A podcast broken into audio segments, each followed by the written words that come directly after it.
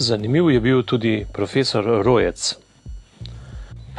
Zanimiv je bil tudi profesor Rojec. Zdela se mi je, da je bil bolj kot ne še študent. Učil nas je osnove tehnike in proizvodnje in prav hitro zgubil živce. Mislim, da sem prvo kontrolno nalogo pisal gladko negativno, potem pa drugo kar pet.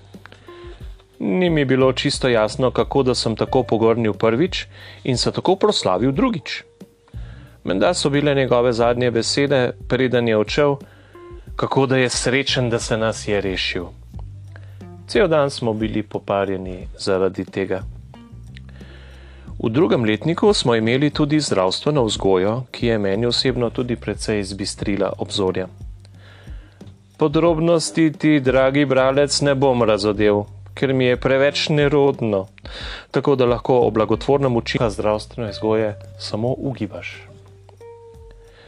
Na moja žalost je postajal pouk vedno bolj specifičen, usmerjen v stroko in vedno sem odkrival, da pravzaprav jaz nisem tipičen računalničar. Zapletla se je že pri algoritmih, s kakršnimi smo se ukvarjali pri pouku računalniških sistemov. Učil nas je Edo Smrdu, ki se je na šoli prikazal z usnjeno študentsko torbo za čez ramena, kakršno je nosil tudi rojec. Edo je bil kar strokovnjak, samo za otenek malo zmeden.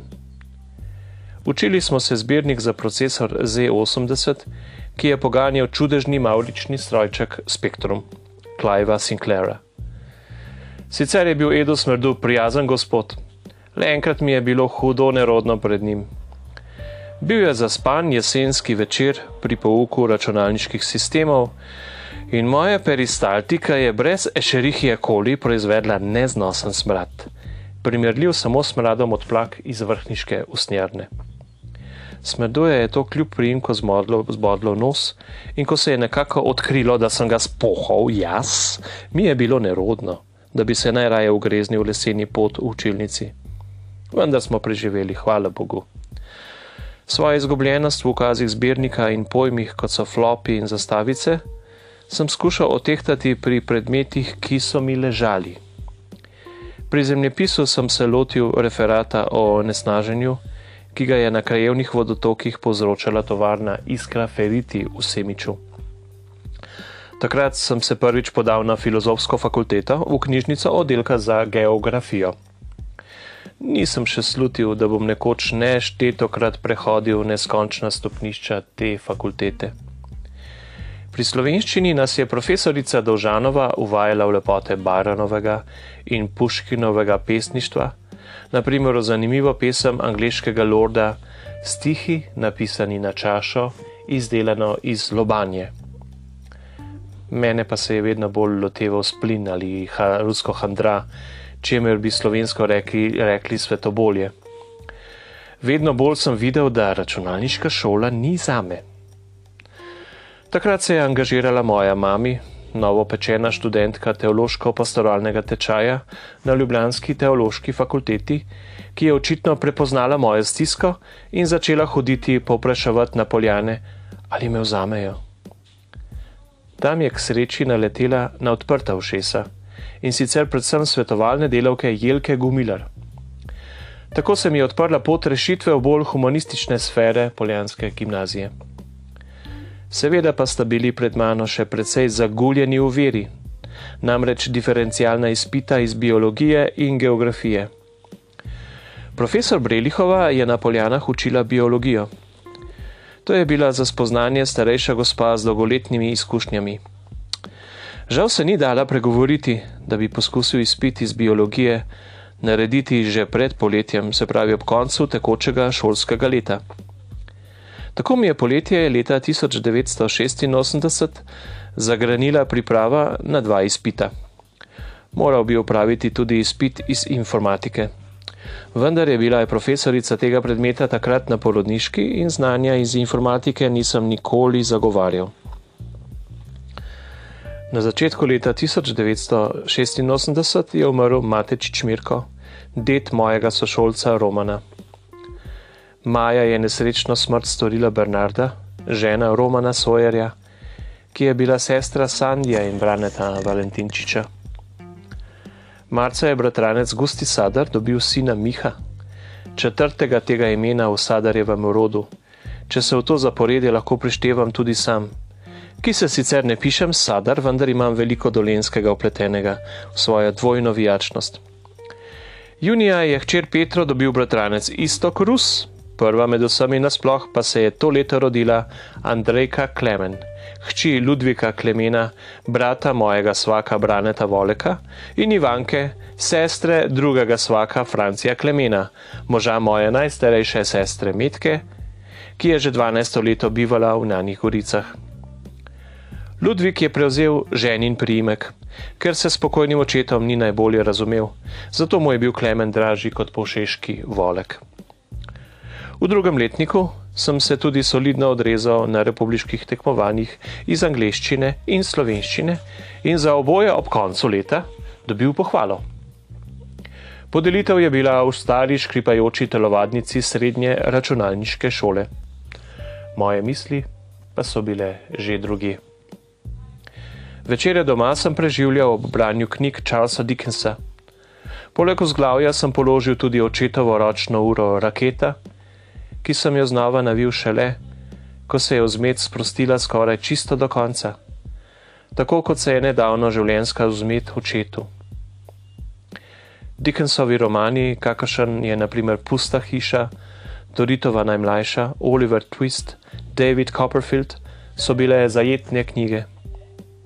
Ko sem prebral vse slovenske prevode, sem prebral še nekaj krajših njegovih del v hrvaščini oziroma srpščini.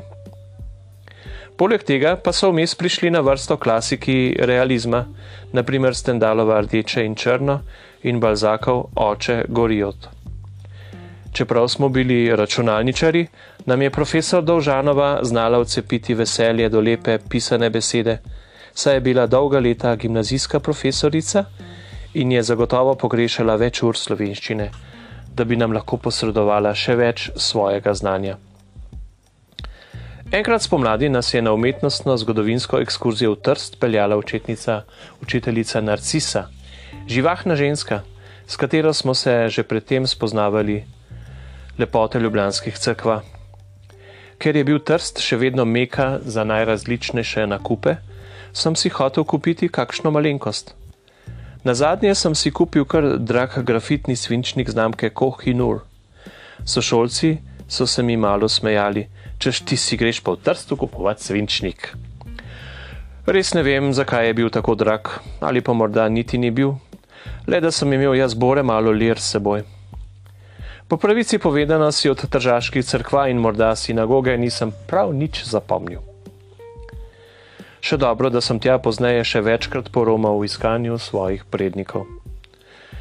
Tako se je iztekal počasi tudi drugi letnik. Žal se sploh ne spominjam kakšnega velikega slovesa od sošolcev. Verjetno zato, ker še nisem bil prepričan, ali mi bo uspel veliki med s dvema diferencialnima izpitoma. Zato tega nisem hotel obešati na veliki zvon.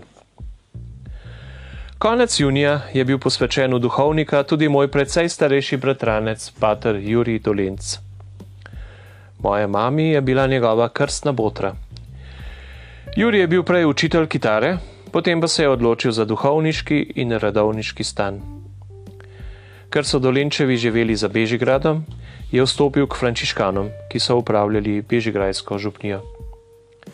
Tako smo bili sorodniki 6. julija povabljeni za Bežigrad na Jurijevo novo mašo. Bilo je res lepo, kar je razvidno tudi iz fotografij, ki jih še vedno hranim v družinskem albumu. Iz njih je tudi razbrati, kako je uživala moja mama. Končno nekaj veselja v žalostnih mesecih po možovi smrti. Na svoj račun je prišla s svojo družabnostjo, saj je poleg vseh njenih sorodnikov bilo tam tudi veliko Jurijevih štajerskih sorodnikov, ki jih je mama z veseljem spoznala in pokramljala z njimi. Sam sem žal moral oditi takoj po maši, ker me je čakal vlak čez jesenice do Huda Južne, potem pa peš do stržišča. Moj drugi poletni teden duhovnosti v tej planinski vasici pod južnimi bohinjskimi gorami na temo, ki si ga devica v obiskovanju Elizabete nosila. Tukaj so me čakali ljudje, ki sem jih poznal in s katerimi sem se rad srečal, pa tudi toliko novih znancev, za katere sem bil prepričan, da bodo s časoma postali prijatelji. Spet nas je bilo v tem tednu ogromno iz naše brezoviške župnije, pa seveda primorcev. Tu sem spoznal naprimer sestri Vuga iz Renč oziroma Renškega podkraja. Starejša Martina, malo mlajša od mene, je bila zelo živahna mladenka, njena mlajša sestra Alenka pa bolj umirjena. Med vsemi novi, novimi lici, tako iz Primorske kot iz Gorenske in Štajerske, je bilo tudi veliko mladih barjanskih rojakov, tako da se nikakor nisem počutil sam, kot se mi je večkrat dogajalo v preteklosti in me je potem do motožje pripeljalo domov pred koncem skupnega bivanja. Kot vedno je bilo vse skupaj kar malo prekratko. Tako da smo se kar naenkrat znašli pri nedeljski maši v Stržiški cerkvi, potem na vlaku iz Huda Južne do Jesenic in Ljubljane, ter potem v krogu slovesa na Ljubljanski železniški postaji, kjer smo ponavadi zapeli staro, žalostno pesem: Prišel je čas slovesa. Doma je bilo običajno vse po starem, le sam sem bil morda malo drugačen. Tisto leto pa nas je čakalo še eno letovanje, namreč v Moščenički dragi, kamor smo odšli z našim mladinskim kaplanom Milanom Knepom. Nabrala se nas je kar pisana druščina samih starih znancev in prijateljev iz mladinskega veruka, kjer smo vneto razglabljali o filozofiji in razmišljali o mislih Kjare Lubik, povzetih v lističu Vogelni kamen. V drago pod starodavnimi moščenicami smo se podali šotori, ki smo jih razpeli v Kostanjevem gaju Šjora Silvana. Teren ni bil posem raven, tako da sem se v šotoru, ki sva ga delila s prijateljem Tonijem Brlanom, zjutraj večkrat znašel na dnu pri zadrgi. V gaju me je izredno motil skovik, ki se je začel oglašati pod večer in me spravljal iz tira z enakomernim rit ritmičnim skovikanjem.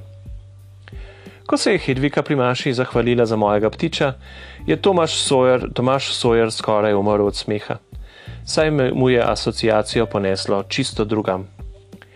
Igrali smo tudi nogomet in prav dobro sem se odrezal, čeprav sem igral posopet. Na plaži sem spazil avstrijsko družino z mladima hčerama, ki sem jo rad opozoval. Prijatelju Tonetu sem zatrdil, da je to podobno kot opazovanje vitkih jelk, čeprav roko na srce ni bilo posem tako. No, prišel je torej tisti čas, ko so me dekleta začele zanimati bolj resno, čeprav sem bil vedno poln skrbi, kako bo v prihodnosti. Poleg brhkih Avstrijk se spominja, da sem občudoval češke avtomobile znamke Škoda, ki so bile res vzorno zdrževani. Sanjaril sem, kako bom tudi sam nekoč imel tako vzorno vzdrževan avto. Za avtomobile sem imel vedno posebno zanimanje, saj sem tako rekoč zrasel med njimi. Nekje v bližini, morda v Lovranu, je bilo letovišče tovarne organskih kislin iz Ilirske bistrice, kjer si je počitniški zaslužek služil Peter Rebrc iz Jelešan. Takrat se je videval z Matejo Krašovec iz Znanih goric. Večkrat nam je za priboljšek prinesel kakšno lubenico ali kompot v večji embalaži. Obiskat nas je prišel tudi Peter Bajec iz Moščanske župnije, odkudar je bil doma Milan Knep. Med nami se je pojavil v vojaški uniformi s činom desetarja. Nekako sem že slutil, da bom kmalo za sivo očno uniformo goden tudi sam. In ne dam roke v ogen, da se ni kje v grlu pojavil majhen smok. Prijazni sin nekdanjega nogometaša Olimpije takrat ni slutil, da ga bodo že čez nekaj let vzele slovenske gore.